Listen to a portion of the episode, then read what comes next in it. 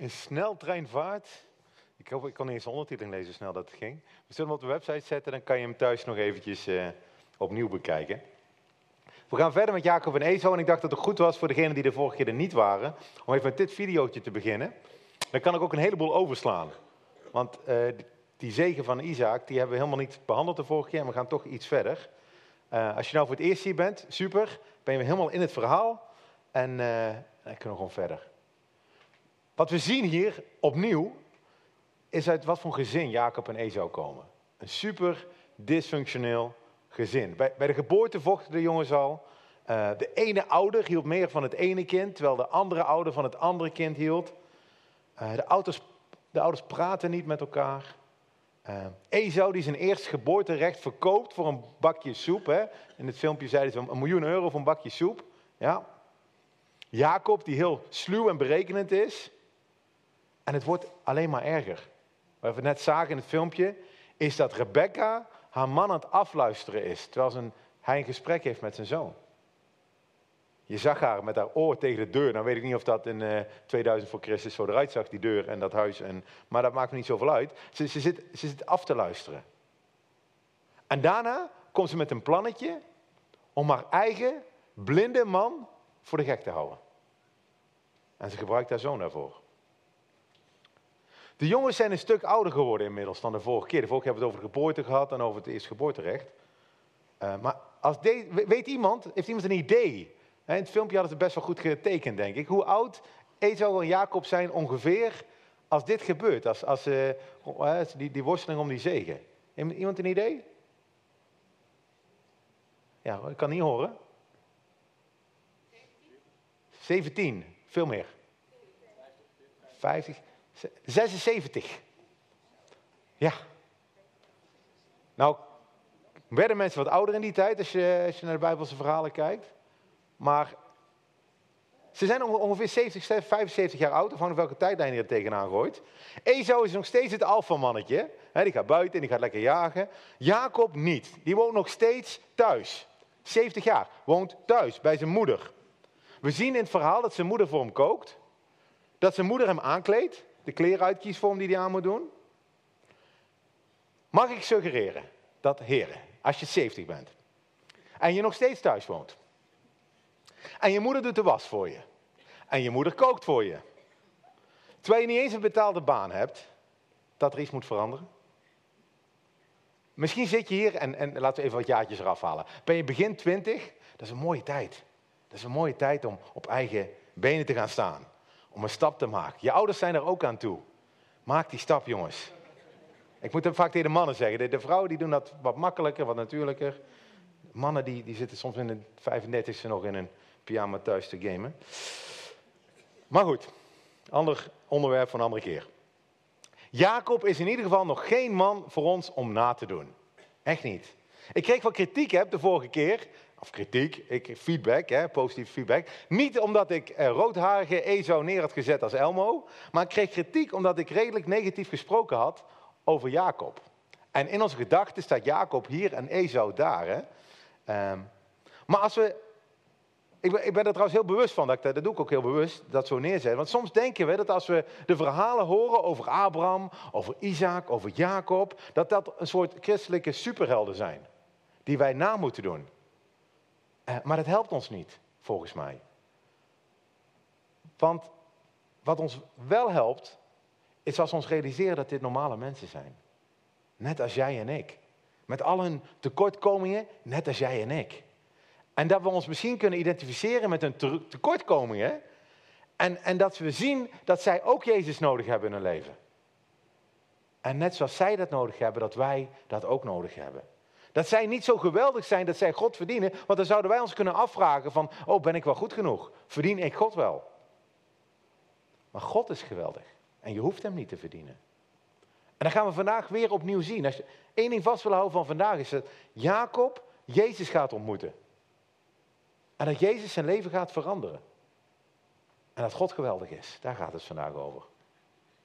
In het verhaal. Isaac denkt dat hij doodgaat.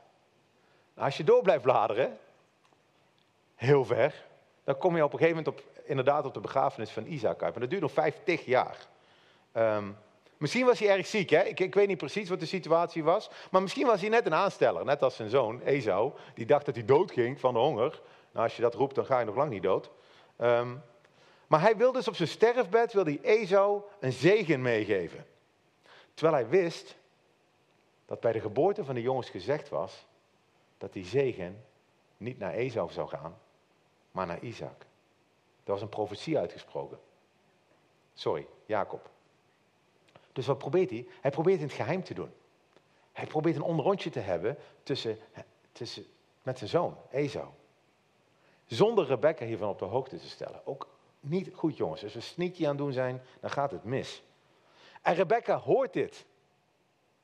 Ze hoort het. Waarom weet ik niet. Misschien was ze inderdaad aan het luisteren aan de deur. Ze maakt een slim plannetje. Die, die oude man, die blinde man, die gaan we voor de gek houden. En uiteindelijk is het inderdaad Jacob die wegloopt met die zegen van zijn vader. En daar beginnen we ons verhaal, want Ezo is boos. Ik lees, het staat ook in het programma gedrukt, kan je gewoon meelezen. Um, dus komt ook achter me op de beamer te staan. Esau haatte Jacob om de zegen waarmee zijn vader hem gezegend had. En Esau zei in zijn hart, de dagen van rouw over mijn vader naderen. Mijn pa gaat binnenkort dood. En dan zal ik mijn broer Jacob doden. Nou, blijkbaar heeft hij het niet alleen in zijn hart gezegd, want Rebecca hoort ervan. Toen aan Rebecca deze woorden van haar oudste zoon Esau verteld werden, stuurde ze een bode en liet Jacob haar jongste zoon roepen en zei tegen hem, zie, je broer Esau troost zich over jou met de gedachte dat hij je zal doden. Nu dan, mijn zoon, luister naar mijn stem. Dit is geweldig, hè? Goed idee, want de vorige keer toen ik naar je geluisterd heb, zijn we deze ellende gekomen. Dus nu moet ik nog een keer gaan luisteren. Weet je, soms maken we domme keuzes in het leven. En in plaats van onze keuzes recht te zetten, in plaats van te gaan communiceren over wat we fout gedaan hebben, in plaats van op te biechten wat we fout gedaan hebben, in plaats van ons te bekeren om te draaien van de foute weg waarop we wandelen, gaan we door. Blijven we domme dingen doen. En maken we keuzes die nog erger zijn. Zij komt hier met een geweldig idee. Sta op, vlucht naar Haran, naar mijn broer, Laban. Ga naar Laban. Dat klinkt als een geweldig plan. En dan gaan we de komende keren uitgebreid bij stilstaan van wat een geweldig figuur die Laban was.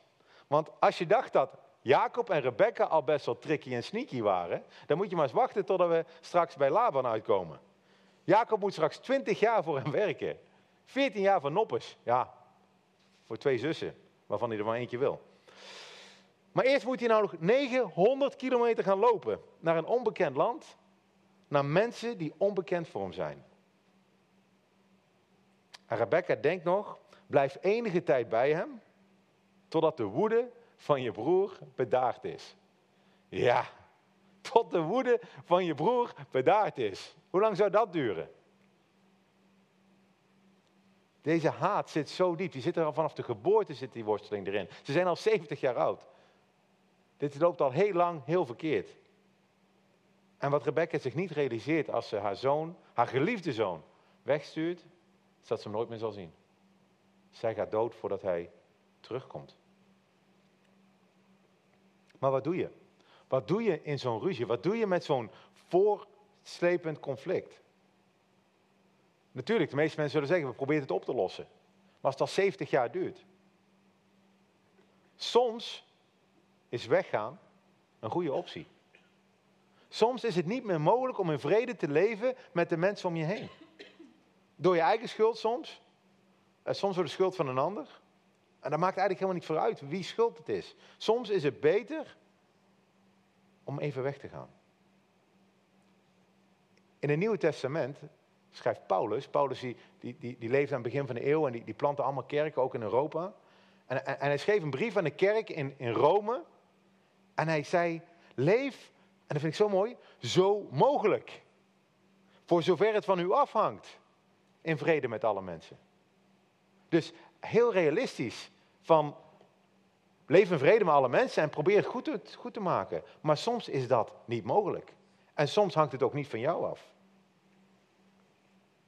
Soms roept God ons op om nederig te zijn. Niet ons gelijk te halen, maar te vertrekken. Omdat er dan ruimte ontstaat. Soms kan dat het moeilijkste besluit zijn wat je neemt. Omdat je niet weet wat er komen gaat. Jacob ging naar een vreemd land, 900 kilometer lopen. Soms is het heel moeilijk om een ander pad op te gaan, om te breken met je verleden. En soms betekent wandelen met God, want dat gaat hij zo meteen doen, dat je je dierbaarste relaties achter moet laten, omdat ze schadelijk voor je zijn. Dit is een optie. Weggaan. Afgelopen zomer had ik een gesprek met een uh, man op de camping. En die, die vertelde tegen mij dat hij een aantal jaar geleden beticht werd op zijn werk van fraude. Had het niet gedaan, dat wist hij. Maar hij, hij werd beschuldigd van fraude. En hij had heel erg kunnen vechten en hij had, hij had iedere dag naar zijn werk kunnen gaan en, en kunnen roepen en advocaat en alles erbij kunnen doen. Heeft hij uiteindelijk niet voor gekozen. Hij is naar God gegaan. Hij heeft afstand genomen. Hij heeft zich even. Hij is niet meer naar zijn werk gegaan. Hij heeft tijd met God besteed. En hij is uiteindelijk zelfs ergens anders gaan werken. Ondanks dat hij, fout, dat hij vals beschuldigd werd. En uiteindelijk is het goed gekomen. Hebben ze een persoon die het wel gedaan had, gewoon gepakt. Hij heeft zijn baan niet terug daarmee. Um, dat wilde hij ook niet. Maar hij heeft daar wel een wijs besluit genomen. Door die afstand te creëren. Tijd met God te nemen. En het is uiteindelijk goed geworden. Maar wanneer doe je dat? Wanneer neem je die afstand en wanneer blijf je? En ik denk niet dat daar een simpel antwoord op is. Maar ik denk dat God dat antwoord heeft. Ga naar hem toe. En misschien is dit een heel mooie vraag om ook de komende week over na te denken. In bepaalde situaties. Zijn er dingen in je leven, misschien relaties in je leven, die je eigenlijk achter je mag laten? En waartoe roept God jou? Wat vraagt God aan je? Ook al heb je gelijk, hè? Ook al is het niet jouw schuld. Wat je, wat je, wat je ziet, en ik ga die tekst niet lezen, maar als je, als je thuis even die tekst doorleest nu, wat je dan ziet is, op het moment dat Jacob de keuze maakt om te vertrekken, als hij aankondigt dat hij weggaat, veranderen dingen meteen. Hij heeft nog een heel goed gesprek met zijn vader. Isaac geeft hem nog een zegen mee. Pa en ma praten in één keer met elkaar. Dat deden ze eerst niet. Maar dat is nog veel mooier. Er ontstaat in één keer ruimte in het leven van Jacob voor een ontmoeting met God. daar gaan we nu over lezen. Jacob vertrok uit Beersheba en ging naar Haran, op weg naar Haran. En hij bereikte een plaats waar hij overnachtte, want de zon was ondergegaan. Kan je je voorstellen in je eentje, midden van de woestijn? Hij nam een van de stenen van die plaats en maakte daar zijn hoofdkussen van, lekker zacht. En hij legde zich op die plaats te slapen. En hij droomde. En zie, op de aarde was een ladder geplaatst, waarvan de top de hemel raakte. En zie, de engelen van God komen daar langs, omhoog en omlaag. Heel bijzonder. Was Jacob op dit moment op zoek naar God? Ik denk het niet. Hij wilde slapen, hij was moe. Einde van een lange dag lopen. Maar God is goed. God, God kiest hem. God gaat met hem mee. En hij is even weg van de drukte van thuis. En hij ontmoet God. En zo werkt het zo vaak. Als je even weg bent uit die drukte. Maar ook altijd dat God naar ons toe komt. De Bijbel zegt, wij gaan niet op zoek naar God, maar God is op zoek naar ons. En er komt een, een onverwacht moment op een onverwachte plek, waar hij dan in één keer zijn gezicht laat zien. God de Vader, zegt Jezus veel later, jaren later, zoekt mensen die Hem willen aanbidden. Het is niet zo dat God verdwaald is en dat wij Hem moeten zoeken. Nee, wij zijn verdwaald en God vindt ons. En dat zien we hier. God ontmoet Jacob. Te midden van een crisis in zijn leven. Maar wel op een moment dat Jacob oor heeft om te luisteren. En niet omdat Jacob zo'n geweldige kerel was, maar omdat God heel veel van Jacob houdt. En hij heeft een droom. Geweldig. Wie, wie zou graag een droom van God willen hebben? Ja, ik wil heel graag zo'n ervaring. En wat je ziet is, veel mensen willen zo'n ervaring. Er zijn zelfs mensen die niet geloven en graag zo'n ervaring willen hebben. Maar het gaat niet om die ervaring, jongens. Het gaat om de ontmoeting met God. Om Hem beter te leren kennen.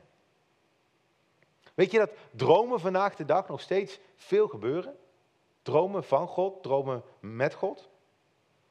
Het is een van de meest voorkomende manieren, ook vandaag de dag nog, waarop mensen, waarop God zich laat zien aan mensen die God niet kennen.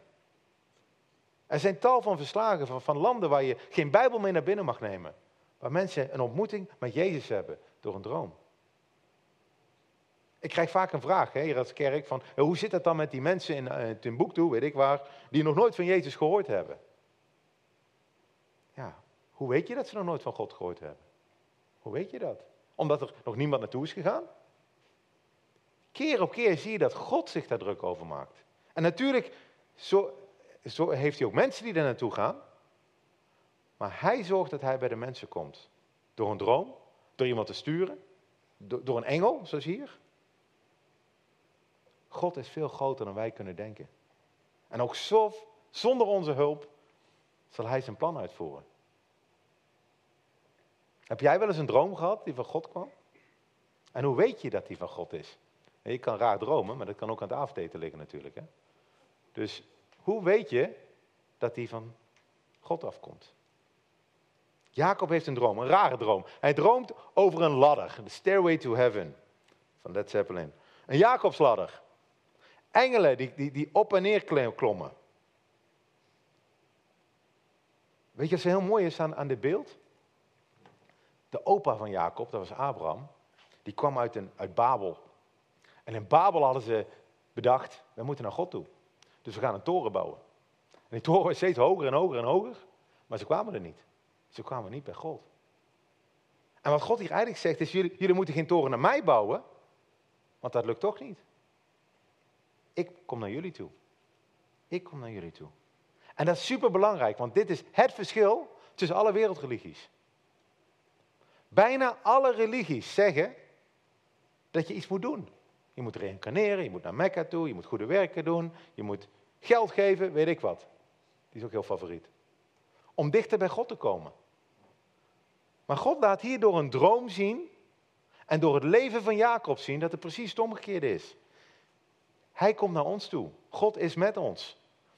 God zegt niet, klim de ladder op naar mij en ik zal er nog wat, uh, wat, wat dingen op doen, om, om wat, wat olie of zo op doen, dat je weer naar beneden valt of zo. Nee, hij komt naar Jacob toe. En dat noemen we genade. Dat het niet gaat om wat wij doen, maar om wat hij doet. Jacob is geen geweldige kerel. Hij is niet op zoek naar God, maar God is op zoek naar hem. En naar jou. En naar mij. En zie, de Heer, de Heer, niet God, de Heere, hè, dat is, ik denk Jezus, stond aan de ladder en die, bovenaan de ladder en die zei, ik ben de Heer. Ik ben de God van vader Abraham en de God van Isaac. De God. Niet een God, niet een van de vele goden. Ik ben de God van jouw opa Abraham en ik ben de, God van jouw vader Isaac. Geweldig. Wie kan hier, ik, ik, ik kan al één zin aanwijzen, kan zeggen dat hun God ook de God is van hun ouders en van hun grootouders. Dat is toch geweldig. Voor veel mensen hier is dat niet het geval. Ik ben pas op mijn 22e is God in mijn leven gekomen. En mijn ouders zijn nog op zoek, zeg ik wel eens. Maar het is wel mijn gebed dat mijn kinderen en mijn kleinkinderen dit kunnen zeggen. Dat God de God van hun vaders was. God maakt een belofte. Dit land waarop u ligt te slapen, zal ik u en uw nageslag geven. Uw nageslag zal talrijk zijn als het stof van de aarde en u zult zich uitbreiden naar het westen en naar het oosten, naar het noorden en het zuiden. En in, in uw nageslacht zullen alle geslachten van de aardbodem gezegend worden. Hij krijgt een stuk land. En waar is hij? Waar is hij op dit moment? Weten jullie dat? Hij is net ten noorden van wat nu Jeruzalem is. Hij is in het land Israël. En dit is best wel een statement, hè? Alle geslachten zullen gezegend worden door jullie.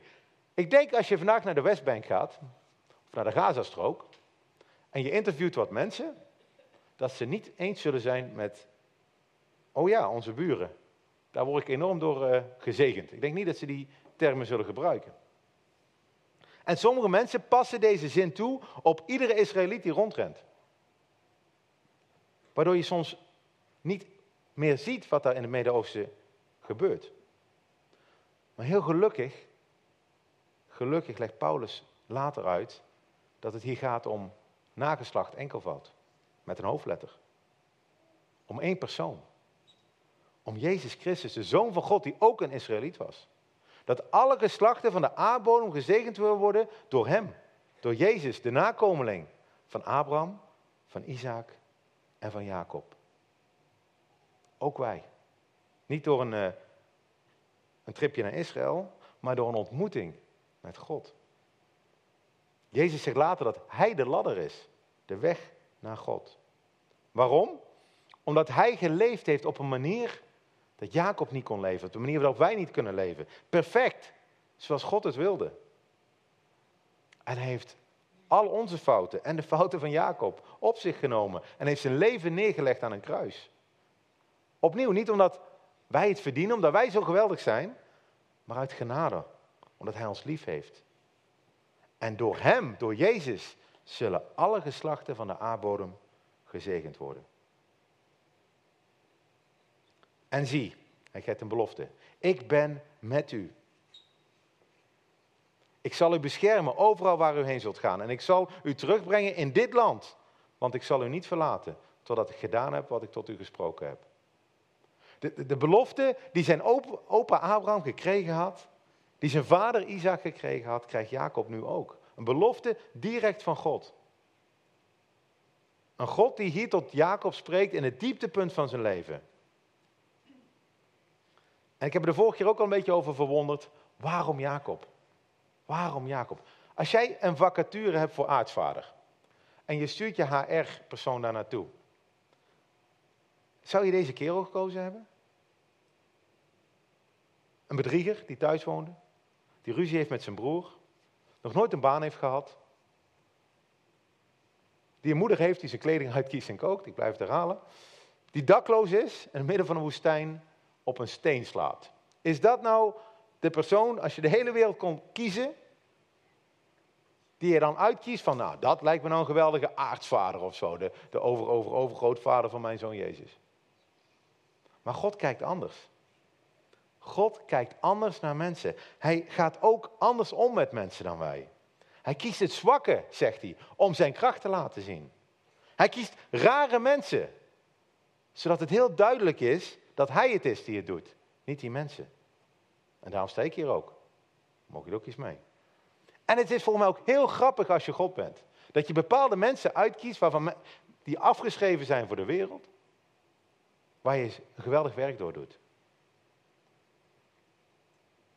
Kijk eens naar deze ontmoeting. Kijk eens naar hoe God is. Kijk eens naar wat hij zegt tegen Jacob. Hij heeft geen enkel punt kritiek tegen Jacob. Nul. Hij heeft geen enkele opdracht voor Jacob. Hij zegt niet, je moet op je knieën, of je moet dit doen, of je moet dat doen, je moet je bekeren. Nee, hij zegt helemaal niks. Hij geeft hem gewoon een belofte, een cadeau. Hij zegent Jacob, ondanks alles. En hij geeft hem een belofte, ondanks alles. Weet je, we zijn soms zo bang over hoe God met ons om zou gaan. Maar God geeft overvloedig en maakt geen verwijten staat er. Ga naar hem toe. Wees niet bang. Toen Jacob uit zijn slaap ontwaakte, zei hij: De Heer is werkelijk op deze plaats en ik heb het niet geweten. Hij is helemaal verbaasd. Daarom was hij bevreesd en zei hij: Hoe onzagwekkend is deze plaats? Dit is, dit is niets anders dan het huis van God en de poort van de hemel. Jacob trekt zich terug bij zijn ruzie. En er ontstaat een plek voor God om tot hem te spreken. En hij heeft een ontmoeting met God. En ik hoor zo vaak van mensen dat juist in die moeilijke momenten in hun leven, dat ze een ontmoeting met God hebben. Weet je, onze vriend Tom, die afgelopen week overleden is, had een zwaar leven. En we hebben ons soms afgevraagd, waarom heeft hij zo'n zwaar leven? Maar midden in de, zijn ellende, midden in zijn pijn had hij meerdere ontmoetingen met God. En was daarmee alles oké? Was daarmee alles prima? Nee. Zijn leven was nog steeds niet gemakkelijk. Maar hij kende God. En hij had hoop. En nu mogen wij weten dat hij bij God de Vader is. Zonder pijn, zonder verdriet, zonder lijden. Bij de Hemelse Vader, veilig, in vrede, geliefd. En dat we Hem ook zullen zien weer als wij daar ook zijn. Wat een geweldige hoop. God ontmoet je. Soms op de meest onverwachte plek. Want hij is overal. Je hoeft niet naar een kerkgebouw toe. Je hoeft zelfs niet eens naar deze aula toe op zondag om God te ontmoeten. Jacob ontmoet God in the middle of nowhere. In de woestijn. Je kunt God thuis ontmoeten. Op je fiets naar je werk, in de auto. Waar ontmoet jij God? Waar creëer jij ruimte dat je God kan ontmoeten? En daar staat in Jacob is bevreesd. En dat is, een, dat een, grappig woordje even. Want soms denken we, oh, ik zou willen dat God kon zien. Maar alle ontmoetingen die we lezen over mensen die God zien, is dat ze bevreesd raken. Niet bang van, wat gaat hij me aandoen? Maar is, God is zo ontzagwekkend, zo groot, zo heilig. En wij zijn zo klein en zo niet heilig. Dit is ontzag over de heiligheid van de grootheid van God. Het begin van wijsheid, staat in de Bijbel, is de vrezen van de Heer. Geen angst van wat zal hij me aandoen, maar wauw, hij is zo groot en ik ben zo klein. God op zijn plaats en ik op de mijne. En Jacob ook. Jacob is ontzettend onder de indruk. Hij staat ochtends vroeg op en nam de steen waar hij zijn hoofdkussen van gemaakt had en zette die overeind. Grappig. Als een gedenkteken en hij goot er olie overheen. En hij gaf de naam, de plaats, de naam Bethel. Huis van God. Hoewel de naam van de stad eerst Lus was. Hij wil dit moment niet vergeten in zijn leven. Hij heeft een geweldige ontmoeting van God. Dus hij richt een steen op, doet er wat olie overheen, alsof hij een soort priester was of zo. En hij, hij, hij hernoemt de plaats. Ik weet niet hoe hij dat deed, moet hij Google Maps bellen of zo. Want is, ik, ik, hij is in, zijn eentje in het midden van een woestijn en hij richt een steen op. Maar goed, hij, neemt, hij noemt het Bethel, huis van God. En hij wil dit moment niet vergeten. Hij wil het aan zijn kinderen laten zien, aan zijn kleinkinderen. Straks komt hij terug met zijn kinderen naar deze plek. Om te laten zien, hier heb ik God ontmoet. Hij maakt een gedenkteken. Het is zo krachtig. Ik zat te denken, heb ik zo'n steenmoment in mijn leven? Van, heb ik een moment in mijn leven, en ik heb er een paar gevonden, maar eentje wil ik met jullie delen. Eén daarvan is voor mij mijn doop geweest. Een moment in mijn leven, niet, niet lang nadat ik God, of God mij, God mij gevonden heeft, en ik hem ben gaan volgen, heb ik me laten dopen. En dat was echt een moment in mijn leven dat ik gezegd ja, ik kies nu voor God. En de maanden daarna waren niet makkelijk. Uh, best wel heftig, moet ik eerlijk zeggen. Maar ik kon iedere keer terugkijken naar mijn gedenksteen, naar dat moment, naar mijn doop. Mijn paaltje in de grond, want ik had gezegd, ja, maar toen heb ik voor God gekozen. Het gaf me kracht, het gaf me hoop. En ik kom weer verder. En iedere keer als ik een doop zie, dan herinnert mij dat weer aan dat moment. Wat is jouw gedenkteken? Of wat wordt jouw gedenkteken? Misschien een betere vraag. Nu doet Jacob weer iets, uh, hij doet allemaal geweldige dingen en nu doet hij weer iets raars. Jacob legde een gelofte af en hij zei, als God met mij zal zijn, wat had God hem net beloofd? Als God met mij zal zijn en als hij mij zal beschermen op deze weg waar ik op ga en als hij mij brood zal geven om te eten en als hij mij kleren geeft om aan te trekken en als ik in vrede in het huis van mijn vader zal terugkeren, dan, dan zal de Heer mij tot een God zijn. Deze steen die ik als gedenksteen overeind gezet heb, zal een huis van God zijn. En van alles wat u mij gegeven, geven zult, zult u zeker een tiende deel, zal ik u zeker een tiende deel geven. Hij wil God volgen, dat is mooi hè. En sommige mensen, sommige van jullie ook, zijn op dat moment in je leven dat je God wil gaan volgen, dat je een keuze wil maken. En sommigen zijn aan het wachten totdat je eraan toe bent. Totdat je heilig genoeg bent of goed kan bidden of weet ik waar je op aan het wachten bent. Doe dat nou niet, want dat is je eigen kracht. Laat het lekker de godskracht zijn. Het, het, is niet wat jij doet. Het is wat God doet. Kijk maar naar dit gebed. Jacob is er nog lang niet. Weet je, als je je gebed begint met als, dan ben je er nog. Dan ben je aan het onderhandelen met God. Heer, als, als, als u dit doet, oh, dan wil ik u volgen. Als mijn vriendin niet zwanger is, dan zal ik de volgende keer proberen van eraf te blijven. Ja, hij bidt alsof God Sinterklaas is. Ah, ik wil graag een diadeem en een pony en, en, en een nieuwe outfit van Barbie. Misschien een FIFA-spel. Weet ik veel. Maar als u mij dat geeft, dan, dan zal ik u volgen. En, en dan ga ik 10% geven van alles wat ik heb. Dat is makkelijk hè, als je dakloos in de woestijn bent. 10% geven wat je hebt. Als je werkloos bent. Als je een bedrieger bent. Het is super om je wensen bij God bekend te maken. En dat mag ook. Maar God is geen baas en God is geen Sinterklaas waar je voorwaarden mee kan uitonderhandelen. Denk je echt dat God onder de indruk is van wat jij hem geeft? Hij heeft alles. En dan kom jij aan met je 2 euro. Ja. God heeft maar lang beloofd dat hij bij Jacob zal zijn. Hij belooft ons dat hij bij ons zal zijn. Dat hij alles zal mee laten meewerken ten goede. Dat we straks bij hem mogen zijn. Dat zijn beloftes waar we gewoon op mogen staan. Daar kunnen we hem gewoon voor danken. Daar hoeven we geen niet over te onderhandelen. Hij heeft veel meer met je voor dan je kunt bedenken of bidden. Dus richt je op zijn goedheid en op de dingen waar je dankbaar voor bent. En ondanks het rare gebed van Jacob gaat God er niet tegenin. Hij houdt van hem. Hij gaat met hem mee. Hoe gaaf is God dat hij dat doet? En, en eerlijk gezegd, zo beginnen we allemaal. Net als Jacob, met een ontmoeting met God. Waarbij onze reactie op hem en onze gedachten over hem en over onszelf nog lang niet compleet zijn. Nog aan alle kanten tekortschieten. Maar dat maakt God niks uit. Want hij is bezig met ons. Hij heeft een plan met ons. Hij is onderweg met ons. En hij is nog lang niet klaar. Met mij in ieder geval zeker nog niet. Als je ruzie hebt, dat was het thema van vandaag. Als je een conflicten hebt, dan mag je verwachten dat je God mag ontmoeten. Misschien op een onverwachte plek. Neem die tijd, neem die afstand om bij hem te zijn. Hij zal meer liefde voor je hebben dan je ooit kan bedenken. En hij zal je wijsheid geven om een uitweg te zoeken. En hij komt naar ons toe. Ook in die ruzie. Net zoals hij naar Jacob kwam. En vandaag, vanochtend, hier, is deze aula ons Bethel, ons huis van God. En als je straks naar huis gaat, dan is dat Bethel. Is dat het huis van God. God wil met je meegaan. In de auto op weg naar huis gaat God met je mee. En hij geeft niet op. Hij blijft je vormen. Wat gaan we daarmee doen? Hoe reageren wij daarop? Wat zullen we doen met zo'n God? En ik denk dat we hem daarvoor kunnen danken. En we kunnen bidden. En daar wil ik ook mee afsluiten.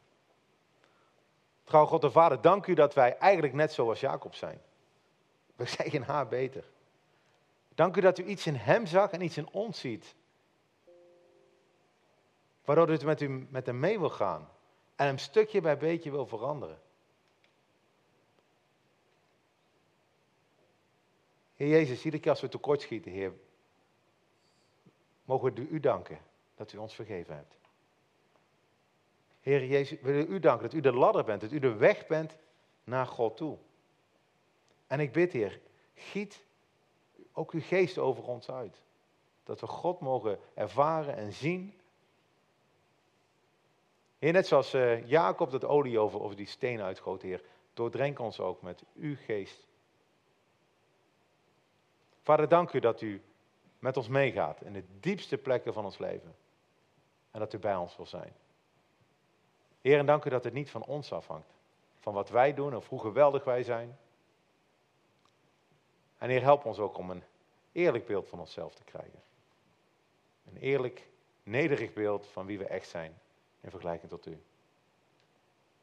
Heer, wees bij ons in onze conflicten, in onze ruzies. Geef ons wijsheid wanneer we daar mogen verzoenen, of een stap in mogen nemen, of wanneer we juist een stap terug mogen nemen. Help ons. Amen.